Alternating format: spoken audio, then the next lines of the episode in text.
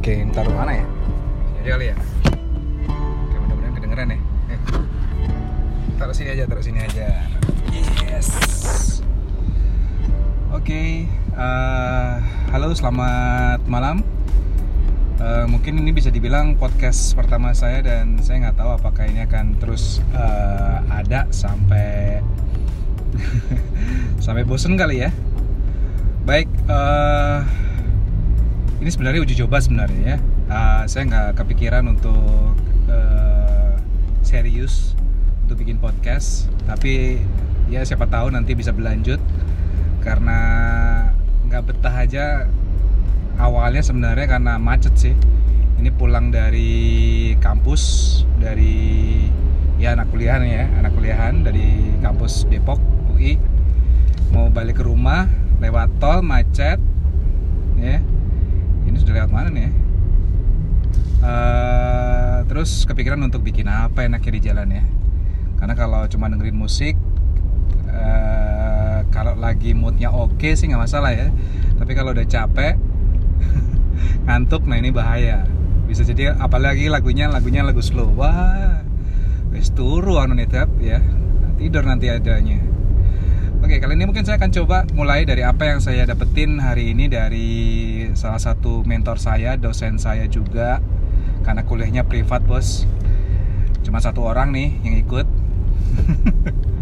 mata kuliah yang mungkin eh, buat teman-teman yang lain kayaknya mata kuliah pilihan yang antara dihindari atau mereka nggak ngeh apa yang mau dibahas gitu. Cuman ketika saya pede ngambil mata kuliah ini menjadi mata kuliah salah satu mata kuliah pilihan di uh, program doktoral UI gitu uh, ini kayaknya cocok nih sama salah satu topik atau gagasan disertasi saya. Mata kuliahnya media dan identitas ya. Yang ngajarin uh, alias tadi yang jadi dosen mentor sekaligus mudah-mudahan ya beliau berkenan untuk menjadi promotor dan sekaligus direstui oleh jurusan untuk kalau nanti memang ada pemilihan promotor berharap sih mudah-mudahan Prof. Zul bisa jadi promotor saya gitu Beliau adalah Prof. Zul Hasril Nasir. Ini kalau teman-teman pengen tahu beliau, tinggal googling aja lah. Memang sih kalau uh, beberapa mahasiswa ada yang sudah ngeh dengan beliau, ada juga ternyata yang uh, mungkin kurang begitu familiar karena beliau sendiri pernah bicara, pernah bilang pada suatu pertemuan begitu di kuliah kalau memang beliau salah satu termasuk uh, salah satu termasuk tuh biaya beliau termasuk dosen yang jarang ngumpul gitu di komunitas Salemba. Karena uh, kalau dosen-dosen pasca yang lain biasanya baik itu guru besar atau dosen uh, lainnya itu biasanya memang lebih banyak diskusi nongkrong ngobrol di Salemba. Sedangkan beliau lebih memilih untuk uh, lebih banyak lah lebih banyak memilih untuk stay di Depok. Ya kalau waktu itu pernah saya tanya alasannya ya karena lebih dekat dengan rumah nggak terlalu ribet dengan kemacetan. Sekaligus mungkin ya memang karena setelah dalam waktu setahun gitu ya memang cuma sekali mengajar. Jadi ya dalam dua semester hanya satu semester begitu. Jadi tidak tidak banyak tidak banyak meluangkan waktu di Salemba. Jadi memang tidak pernah tidak pernah ngobrol juga di sana. Jarang jarang jarang diskusi lah. Uh, tapi uh, setelah mengikuti mata kuliah media dan identitas dengan Prozul ini yang tadinya memang mungkin ya karena tidak banyak mahasiswa yang ngambil dan pokoknya pede aja lah ngambil lah. Privat privat deh seorang seorang dah gitu ya. Alhamdulillah malah justru mendapatkan banyak pencerahan dari beliau. Dengan keterbukaan dengan one on one dengan head to head dengan beliau uh, ternyata saya dapetin banyak hal.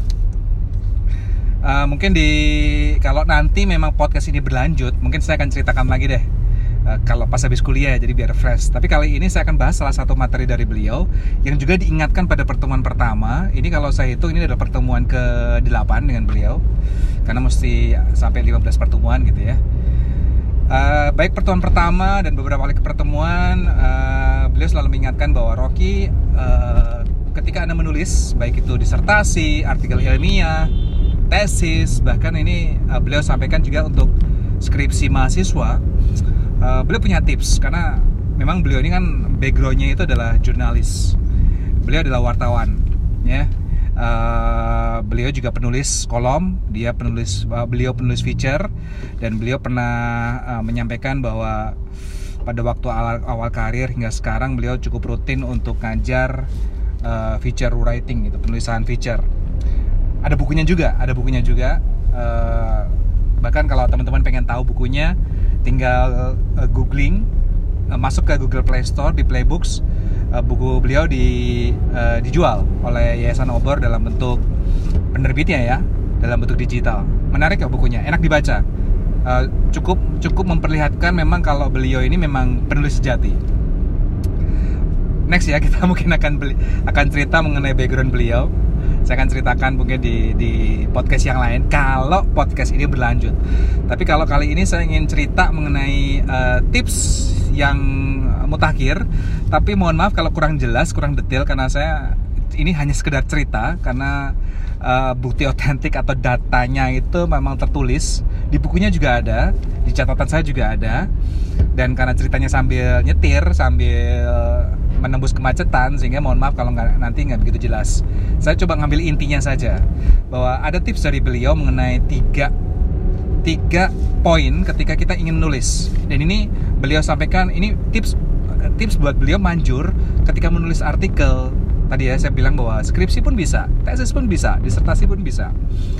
Bahkan beliau tadi menyampaikan bahwa cerpen pun bisa sebenarnya beliau menyatakan bahwa ketika kita menulis ketika kita memiliki gagasan ada tiga variabel yang mesti kita perhatikan.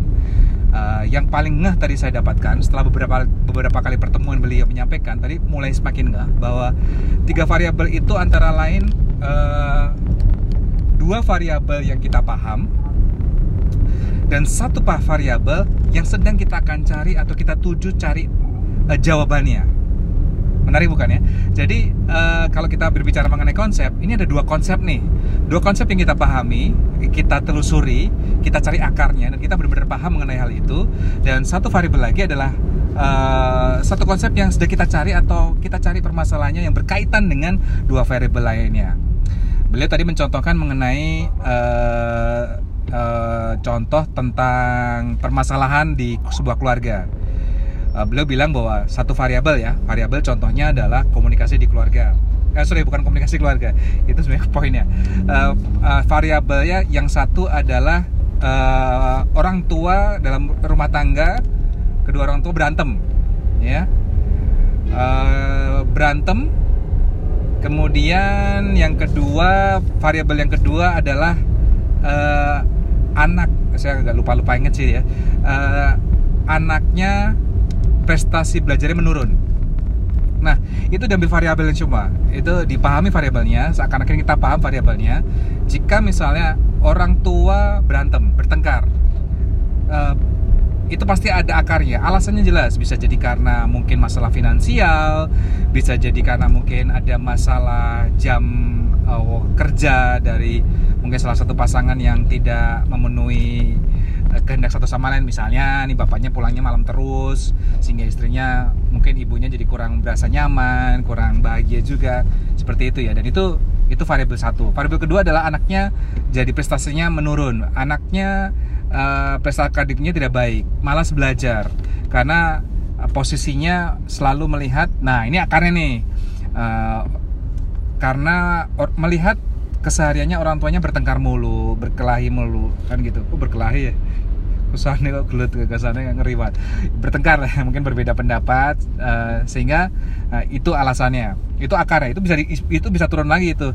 Karena mungkin mempengaruhi um, malasnya belajar itu ya. Kemudian dari dua itu kemudian dikaitkan dengan konsep utamanya variabel yang pengen kita cari. Sebenarnya apa sih yang bisa menjawab dari dua variabel tadi itu alasannya apa nah itu yang dicari Nah, di situlah letak bagaimana nanti akhirnya pada disertasi atau penelitian atau tesis statement itu ditemukan di variabel yang ketiga. Yang ketiga adalah misalnya nih komunikasi keluarga. Di dalam dua variabel tadi bisa diselesaikan dengan syarat komunikasi keluarganya itu terjamin atau terjalin dengan baik atau apa pun itu ya.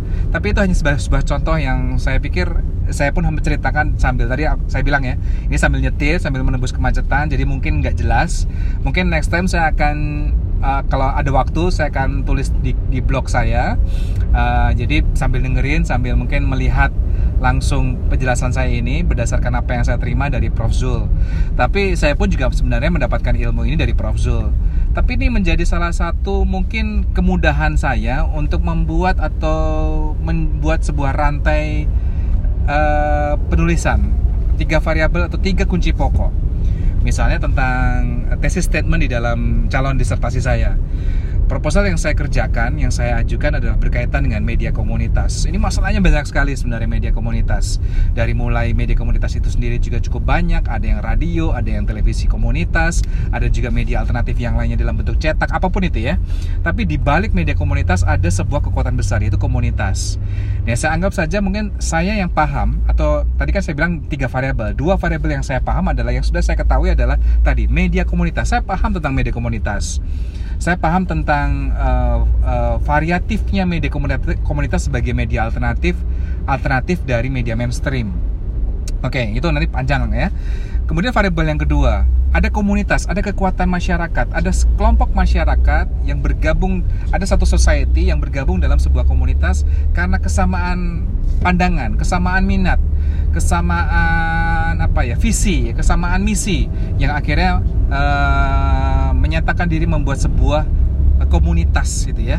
Nah, uh, tapi dari variabel itu ketika diturunkan ada permasalahan ketika media komunitas yang uh, bisa di bisa diterjemahkan bahwa media yang tidak melihat uh, finansial menjadi tujuan utama atau komersial, uh, media komunitas menjadi salah satu yang mungkin tidak stabil seperti media mainstream.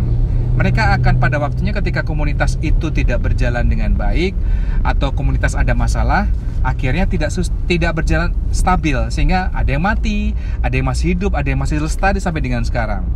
Di mana pun itu dan saya pernah juga diskusi dengan salah satu pemerhati media komunitas atau bahkan saya pernah ketemu dengan Mas Sinam Sutarno. Mudah-mudahan kalau Mas Sinam mendengarkan juga thanks to Mas Sinam mungkin next saya akan seperti janji saya saya akan ngundang ke kampus Budi Luhur.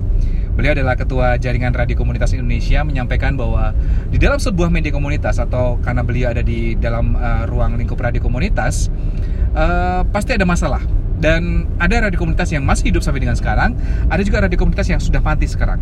Contoh misalnya beliau pernah menceritakan radio komunitas yang mati adalah yang dulu pernah pernah heboh yaitu radio komunitas uh, terbitan atau buatan dari mohon maaf Kominfo ya.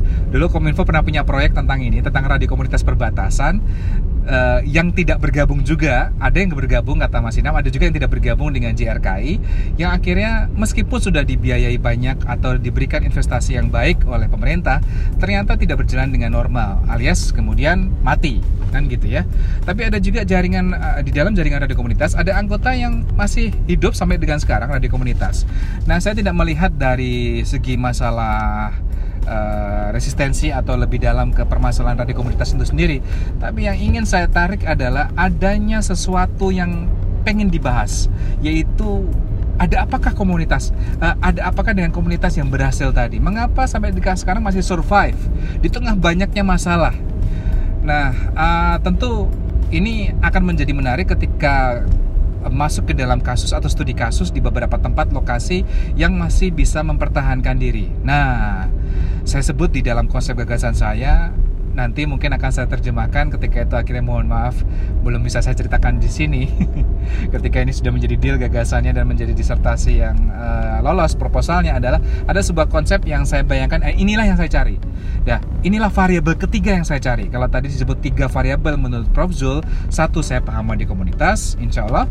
Yang kedua saya paham tentang kekuatan komunitas itu sendiri. Yang ketiga ini yang saya cari. Kenapa komunitas itu ada yang berhasil memberdayakan masyarakat, ada juga yang gagal. Nah, saya pikir ini mudah uh, ketika dicerna oleh tiga variabel, meskipun sulit untuk ditulis. Kalau cuma ngomong doang mungkin lebih mudah ya, tapi itulah salah satu perjuangan uh, akademis bahwa kita harus bisa menuangkan dalam tulisan artikel atau karya ilmiah dengan tulisan akademis yang baik. Baik, uh, mungkin itu saja karena ini kayak jadi terlalu panjang kalau dibahas lama. Tapi tadi sekilas bahwa di awal saya bilang ini adalah uji coba podcast saya pertama. Yes, dengan topik tiga variabel tips dari dosen saya, mentor saya dan insya Allah calon promotor saya, Prof Zul Hasir Nasir. Saya bilang calon ya, mudah-mudahan uh, beliau sih sepertinya memberikan lampu hijau kan gitu ya. Uh, tinggal uh, beliau juga menekankan bahwa tapi sekali lagi tergantung jurusan ya, tergantung program studi bagaimana penentuan nanti beliau mengikuti SOP saja. Oke, mungkin gitu aja dulu. Dan kita nggak tahu apakah podcast saya akan berlanjut atau atau tidak.